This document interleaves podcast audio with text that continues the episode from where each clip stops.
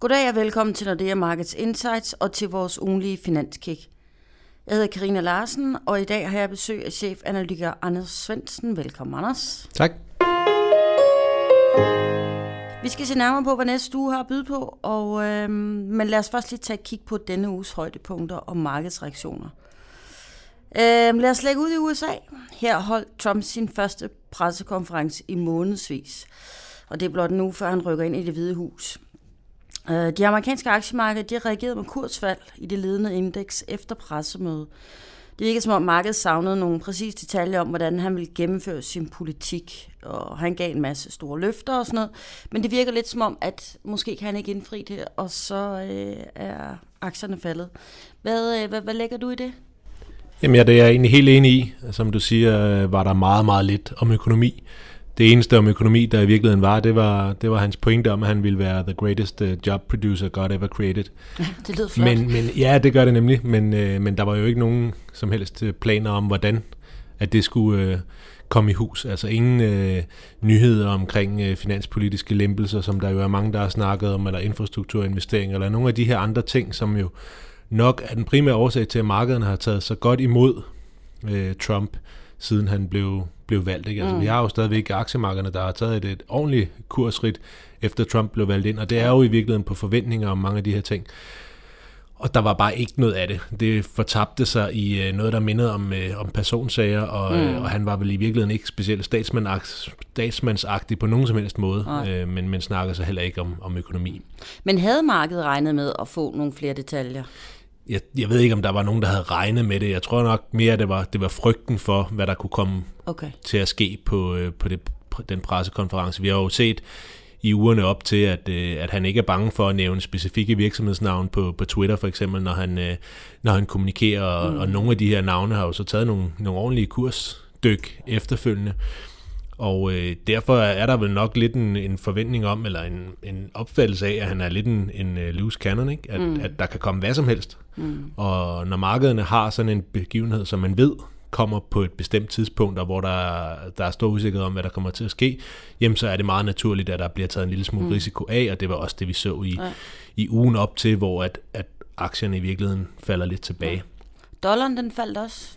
Ja, og det er nok af, af, af samme årsag nu, øh, nu venter vi så på, på det næste, kan man sige. Mm. Nu, er, nu er han overstået, og, og så skal vi have noget, der, der driver markederne igen. Øh, det kunne så være øh, nogle af de nøgletal, som, øh, som vi får. Øh, dem får vi så heller ikke næste uge, men sådan lidt længere derude af, og så kan det selvfølgelig være, øh, hvis der kommer noget i forbindelse med hans officielle indsættelse øh, her den, øh, den 20. Men altså, som vi ser det, så er det primært øh, sådan ceremoniske øh, ting, og ikke sådan et, et sted, hvor man kommer med en masse okay. Øh, løfter om, hvad man har tænkt sig at, at gøre. Mm. Så det er måske i virkeligheden mere Twitter, vi skal, vi skal kigge på for at finde ud af, ja. hvad, hvad det præcis ja. er, han har tænkt sig. Ikke? Og, og måske ved han det ikke endnu. Måske øh, skal alle de rådgiver, han har fået ansat, og ham selv først i gang med at, at finde ud af, hvad de skal, mm. når de rent faktisk kommer, kommer i embedet. Ja. ja, det bliver spændende. Hvis vi rykker stadigvæk bliver i den uge, der er gået her, hvis vi hjem til vores egen breddegrad, der fik vi inflationstal for Sverige. Og inflationen for december kom ud højere end forventet. Hvilket, hvad skal vi lægge i det? Hvilken betydning har det? Jamen inflationen i Sverige er nu meget tæt på målet. Altså 1,9 for deres øh, inflation. Øh, den, det er inflationens tal, som, som er vigtigst, og det de har et, en, en målsætning om.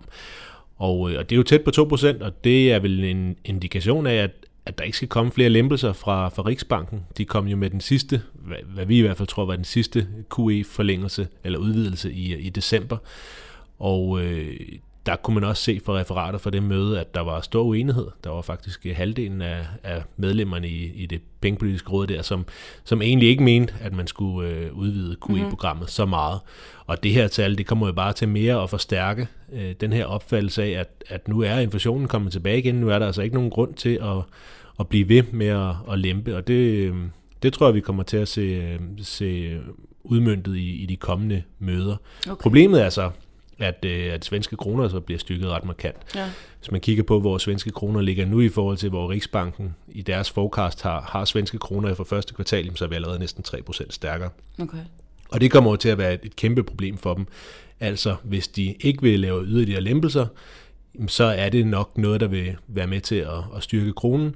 Og hvis kronen bliver styrket alt for meget, jamen, så bliver de måske virkelig tvunget til at lave pengepolitiske lempelser i sidste ende alligevel. Mm-hmm. Så de er fanget lidt i sådan et, et limbo, og er måske virkelig lidt afhængige af, at ECB får, får taget sig sammen til at komme ud af deres øh, QE-program også, så, så rentespændet bliver, bliver mere normalt. Okay. Og apropos ECB, så kan vi rykke ind i næste uge. Der er ECB umiddelbart i fokus der. Øh, hvad kan vi forvente os?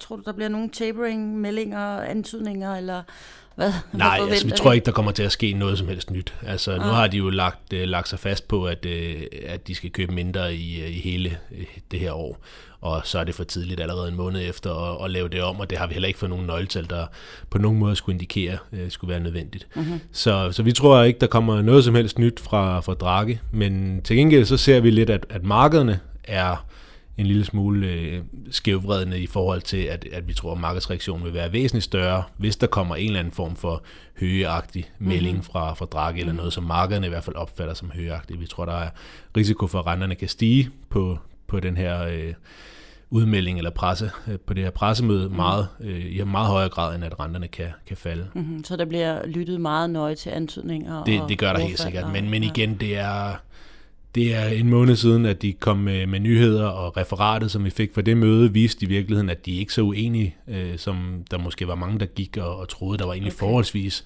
bred opbakning til den, øh, ja nu vil ECB så ikke kalde det tapering, men, men det var jo det, det var i princippet.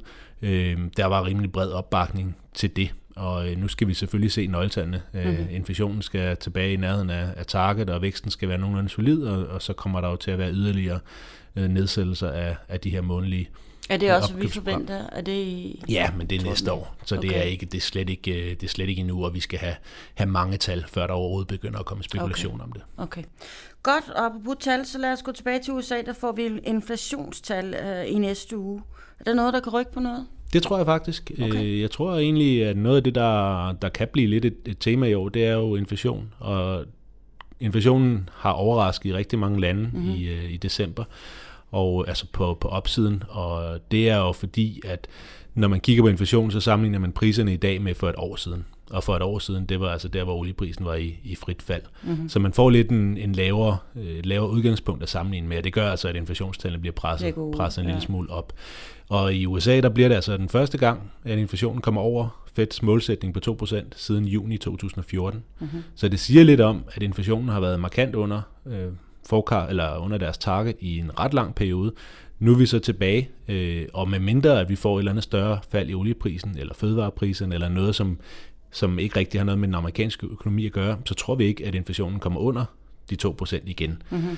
Og øh, det er selvfølgelig ultimativt det, der kommer til at bestemme, hvor hurtigt Fed de skal, ja. skal sætte renterne op. Så de her inflationstal de bliver vigtigere og vigtigere og vigtigere i takt med, at de begynder at komme herop på nogle mm. niveauer, hvor hvor de helt klart øh, tilsiger, at øh, centralbankerne skal, skal hæve renterne. Og hvad er det vores øh, forecast? Er det marts første gang? Eller hvad det midt, i, midt i året, juni. Det er juni, okay. Godt, så lad os runde af østpå til Kina. Der kommer der BNP-tal.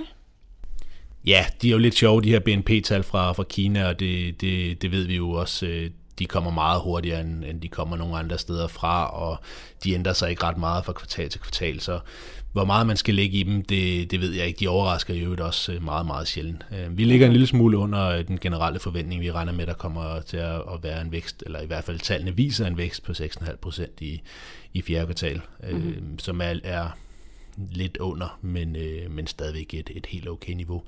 Kigger vi på de kinesiske tal i det hele taget, så har der været en klar forbedring over de sidste par måneder. Øh, og det er selvfølgelig især fremstillingssektoren, ligesom vi har set det i, i Europa og i USA.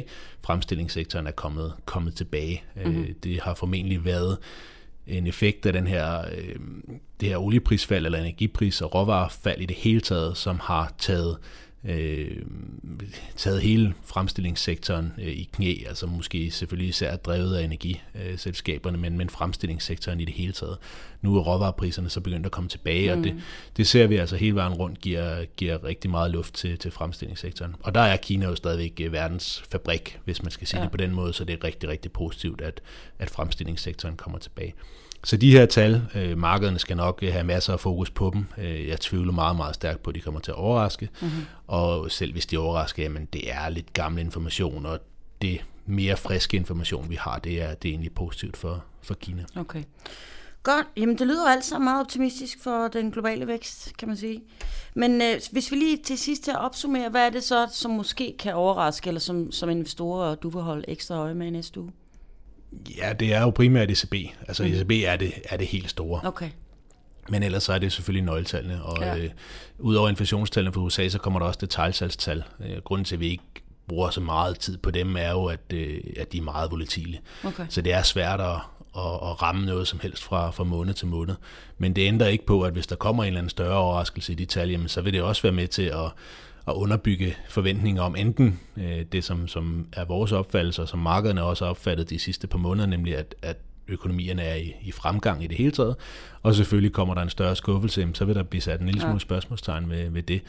Så det, det, det tænker jeg egentlig bliver, bliver noget af det, der bliver mest interessant. Og så for min egen, øh, min egen lande, så er der jo kæmpe fokus på Mexico og, og Tyrkiet, og det er noget af det, jeg bruger allermest øh, tid på. Mexico er jo øh, virkelig under pres på grund af, af Trump. Ja, hvordan reagerede de der med, med valutaen efter hans pressemøde? Var der ja, noget men der? valutaen var jo øh, på det svageste niveau nogensinde, uh-huh. øh, og, og helt ude af trit med noget, der overhovedet kan retfærdiggøres ud fra hvordan den meksikanske økonomi ser ud lige nu, ja. men det er selvfølgelig forventningerne om, at uh, Trump kan finde på alt muligt i mm-hmm. forhold til, til skat, uh, og der bliver snakket om den her border adjusted tax, altså hvor at uh, de amerikanske virksomheder i, det, i, det, i virkeligheden skal betale mere skat, hvis de sælger varer, der er produceret i, i Mexico eller uden for, for USA's grænser. Uh, så det er, det er virkelig noget, der er, er stor fokus på. Mm.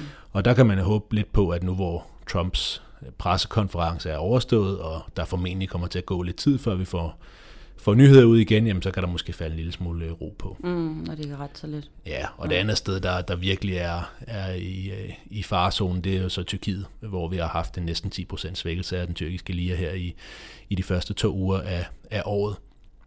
Og det er en lille smule svært at, at sætte en finger på, hvad det præcis er, der, der sker. Det ikke så meget relateret til Trump, det er måske virkelig mere relateret til, at nu øh, har der været lidt, øh, lidt fokus på, på Tyrkiet i, i noget tid med den politiske risiko, Erdogans, øh, kan man sige, udrensning af, af, han, af oppositionen, eller det han i hvert fald selv kalder, kalder den her Gülen, øh, Gülen-bevægelse. Øh, men i det hele taget også bare, at, at renterne er for lave i, i Tyrkiet, mm. og at, at Erdogan virkelig gerne vil have lavere renter, fordi det er det, der, der skal hjælpe befolkningen, men renterne er bare for lave i forhold til at, at støtte valutaen nok, så derfor så er valutaen i, i frit fald. Okay. Øhm, og det kan desværre nok godt komme til at fortsætte øh, lidt endnu. Det er jo sådan, at der formentlig skal være en folkeafstemning herinde i løbet af foråret, øh, hvor at Erdogan skal have ændret forfatningen, sådan så magten bliver overflyttet fra parlamentet til præsidentposten, ja. som han jo selv øh, sidder på. Mm-hmm. Ja, det bliver spændende. Vi kunne tale i timevis om, emerging markets, ja, Anders, det er sikkert men det må jeg ikke. det gemmer vi til en anden gang. Ja. Tak skal du have, Anders. Det var så lidt. Og tak fordi I lyttede med, og det håber vi selvfølgelig også, at I gør i næste uge, hvor vi vender tilbage med friske analyser og en snak om udviklingen på de finansielle markeder. Du kan i mellemtiden holde dig opdateret ved at gå ind på emarketsnordea.com, hvor du kan finde al vores research. Og så kan du køre eller genhøre vores podcast på insightsnordeamarkets.com eller via iTunes. Og husk, at du kan abonnere på vores podcast, så du får dem med det samme. Og så kan du som altid også besøge os på LinkedIn og følge os på iTunes og Twitter. Tak for denne gang, og på genhør.